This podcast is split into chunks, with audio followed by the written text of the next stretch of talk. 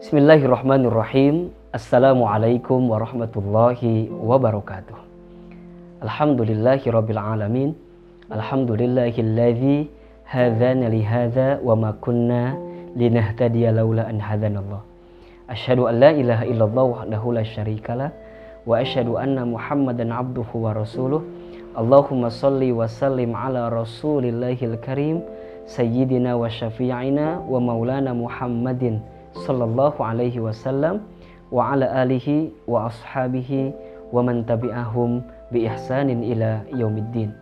Rabbi a'udzubika min hamadzatis syayatin wa a'udzubika rabbi ay yahdurun. Subhanaka la ilma lana illa ma 'allamtana innaka antal alimul hakim. La haula wa la quwata illa billahil aliyyil azim. Teman Ramadan yang dicintai Allah, Semoga senantiasa dalam keadaan sehat walafiat dan tentunya setiap langkah kehidupan kita termasuk khususnya ibadah kita selama bulan suci Ramadan ini bisa diterima oleh Allah Subhanahu wa taala dan bisa menjadi bekal terbaik untuk berjumpa dengan Allah di waktu yang terbaik dan di tempat yang terbaik yaitu surganya Allah Subhanahu wa taala. Pada kesempatan kali ini, teman Ramadan kembali akan menjawab pertanyaan dari teman-teman sekalian yang masuk melalui Instagram Ahilman Fauzi. Pertanyaannya untuk kali ini adalah Assalamualaikum Ustadz Hilman. Waalaikumsalam. Ustadz bagaimana caranya kami berbuat baik kepada orang tua? Sedangkan orang tua kami sudah wafat atau meninggal. Mohon nasihatnya Ustadz Teman Ramadan yang dicintai Allah, tidak ada kebahagiaan yang paling besar bagi seorang anak kecuali saat dia hidup di muka bumi, kemudian dia mampu membalas kebaikan dan kebahagiaan kepada orang tuanya. Walaupun tidak mudah dan sulit keadaannya. Kenapa? Karena dengan kebaikan yang kita berikan kepada orang tua, rasanya tidak akan mampu bisa membalas semua kebaikan yang pernah orang tua kita berikan kepada kita.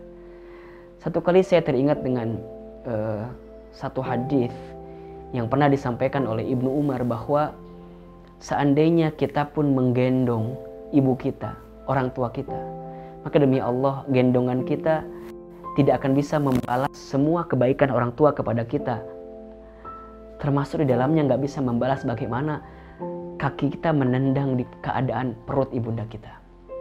Jadi memang keadaannya kita semua sampai kapan pun di mana pun dalam kondisi apa pun harus terus menghadirkan kebaikan kepada kedua orang tua kita.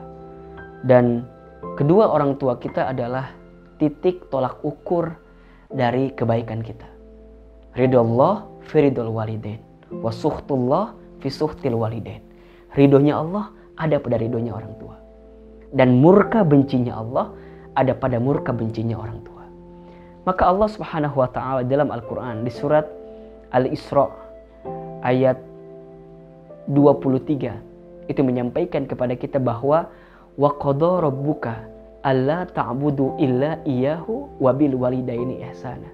Imma yadhunna indakal kibara ahaduhuma aw kilahuma fala taqul lahum ufin wala tanharhuma wa qul lahum qawlan karima dan aku telah menetapkan kepada kamu sekalian untuk beribadah kepada Allah dan berbuat baik kepada orang tua. Di ayat itu Allah memberikan kepada kita dua keadaan yang tidak boleh dipisahkan. Saat kita beribadah kepada Allah, maka di saat yang bersamaan kita harus berbuat baik kepada orang tua. Karena saat kita beribadah tapi kita lupa berbuat baik kepada orang tua, maka dipertanyakan kualitas ibadah kita di hadapan Allah Subhanahu wa taala. Maka pertanyaan yang datang kali ini mewakili kita semua bahwa kita semua diperintahkan untuk berbuat baik kepada orang tua. Termasuk jika barangkali ada di antara teman-teman yang memiliki orang tuanya, mungkin tidak menjadi orang tua yang baik dalam hidupnya, dalam tanda kutip ibadahnya kurang, ilmunya kurang, maka itu semua tidak menjadi alasan untuk kita tidak berbuat baik kepada orang tua. Bahkan, kalaupun ada di antara kita yang keadaan orang tuanya berbeda keyakinan dengan kita, maka kita sebagai anak tetap harus memuliakan dan berbuat baik kepada orang tua kita. Dan itu adalah perintah dari Allah Subhanahu wa taala. Kenapa Ustadz? Ya karena wasilah kita hadir di muka bumi ini karena siapa? Kalau bukan karena orang tua kita. Maka oleh karena itu berbuat baiklah kepada orang tua. Nah pertanyaannya adalah Ustadz bagaimana cara kita berbuat baik kepada orang tua? Pertama Ustadz akan bahas dulu bagi seseorang yang masih punya orang tua. Orang tuanya masih hidup. Maka yang pertama dia harus membahagiakan orang tuanya sesuai dengan apa yang diinginkan oleh orang tuanya. Jadi kalau orang tua kita inginkan sesuatu dan selama kita mampu berikan sesuatu itu maka hadirkan sesuatu itu. Karena ketahuilah di saat kita memberikan yang terbaik kepada orang tua kita. Di saat yang bersamaan Allah akan cukupkan, akan berikan, akan balas semua kebaikan, kebahagiaan yang bisa kita berikan kepada orang tua kita. Kemudian yang kedua, kita harus hormat kepada orang tua kita. Muliakan keadaan orang tua kita. Jaga kata-kata kita. Jangan berkata kotor. Jangan berkata kasar jangan menghadiknya, jangan menghinanya, jangan menyakitinya. Satu kali saja kita menyakiti hati dan perasaan orang tua, maka di saat itu kita sedang disiapkan banyak kekecewaan dalam kehidupan kita. Kemudian yang ketiga, jadilah anak yang soleh, anak yang baik. Dan saat kita menjadi pribadi yang baik dalam kehidupan, maka di saat itulah kita sedang membahagiakan kedua orang tua kita. Jadi hadirkan kebahagiaan, kemudian memuliakan orang tua dengan menghormatinya, hadirkan kata-kata yang baik dan benar. Kemudian juga kita harus menjadi pribadi yang baik, anak yang baik. Karena di saat yang bersamaan sebenarnya Allah Subhanahu wa taala sedang memberikan kebahagiaan kepada kedua orang tua kita. Nah, lantas bagaimana Ustaz kalau orang tua kita sudah wafat? Apakah kita masih punya kesempatan berbuat baik? Jelas masih. Ada empat yang bisa kita hadirkan amalan terbaik untuk orang tua yang sudah wafat. Pertama tentu mendoakan orang tua. Jangan pernah tertinggal untuk mendoakan orang tua. Bahkan Allah Subhanahu wa taala mengabadikan doa kepada orang tua dalam Al-Qur'an. Rabbighfirli wali walidayya warhamhuma kama rabbayani shaghir. Ya Allah ampuni dosaku. Ampuni dosa kedua orang tuaku. Dan sayangilah orang tuaku sebagaimana mereka sayang kepadaku saat kecil. Jadi teman-teman sekalian bisa hadirkan doa terbaik saat orang tua kita sudah wafat. Kemudian yang kedua, lanjutkan kebiasaan baik yang menjadi kebiasaan orang tua kita. Jangan sampai saat orang tua kita sudah tiada, kemudian kita hidup di masyarakat. Masyarakat kita pada ngomongin bahwa anaknya tidak mampu melanjutkan kebiasaan baik orang tuanya. Jangan sampai dihilangkan. Justru kewajiban kita sebagai anaknya melestarikan, menghadirkan kembali bagaimana sikap baik yang pernah orang tua kita torehkan selama hidupnya. Dan di saat itu berarti kita membahagiakan orang tua kita yang sudah wafat. Lanjutkan kebiasaan baik. Kemudian yang ketiga, penuhi kemauannya. Jadi kalau orang tua kita pernah memberikan wasiat kepada kita selama dia hidup, dan barangkali kita belum bisa menghadirkannya karena keburu orang tua kita wafat, maka hadirkan saat orang tua kita sudah tiada itu. Hadirkan. Hadirkan kebaikannya. Seperti apa amalannya. Yang diinginkan oleh orang tua kita. Misal orang tua kita dulu pernah bilang bahwa pengen banget punya anak S2 atau S3. Yuk kalau kita ada kesempatannya kejar. Karena itu adalah kemauan dari orang tua kita. Atau barangkali orang tua kita pernah bilang gini, pengen satu saat mama, mama papa pengen bikin, bikin masjid, nah pengen bangun masjid. Ayo kita wujudkan itu.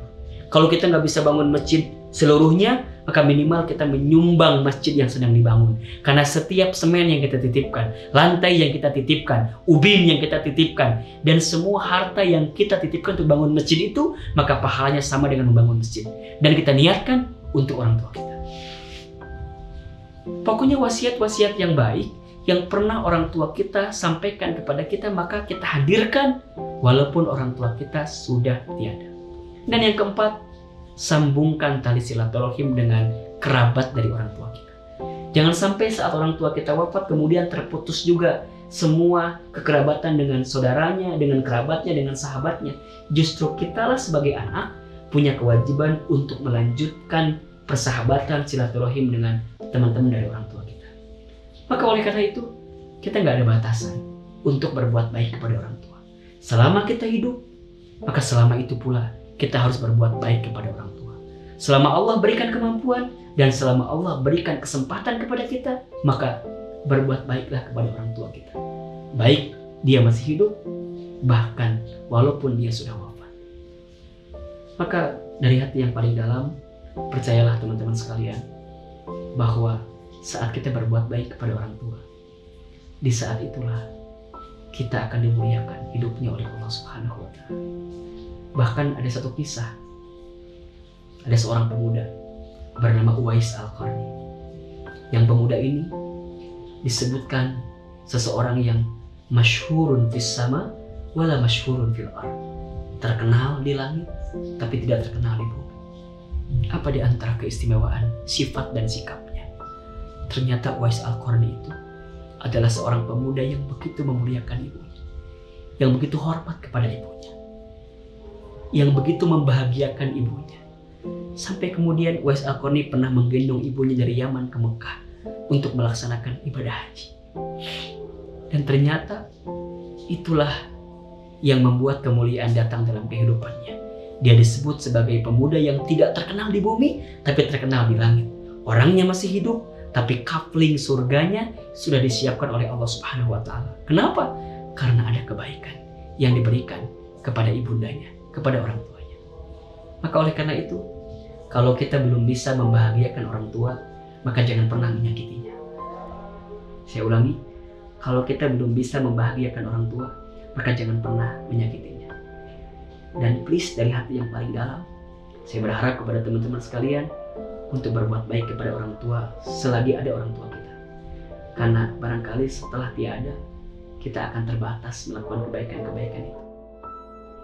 Dan percaya bahwa siapa pun seorang anak yang memuliakan orang tuanya, dan kemudian dia berharap berkumpul bersama orang tuanya nanti di surga, maka Allah akan kumpulkan orang-orang tersebut menjadi keluarga yang bukan hanya berkumpul di dunia, tapi insya Allah mereka akan bersama di surga. Semoga Allah hadirkan kelembutan hati kepada kita untuk memuliakan orang tua kita, menghargai orang tua kita, menghormati orang tua kita, dan bisa memberikan amalan terbaik kepada orang tua kita. Semoga bermanfaat. Ustadz Hilman Fauzi, mohon maaf lahir batin. Assalamualaikum warahmatullahi wabarakatuh.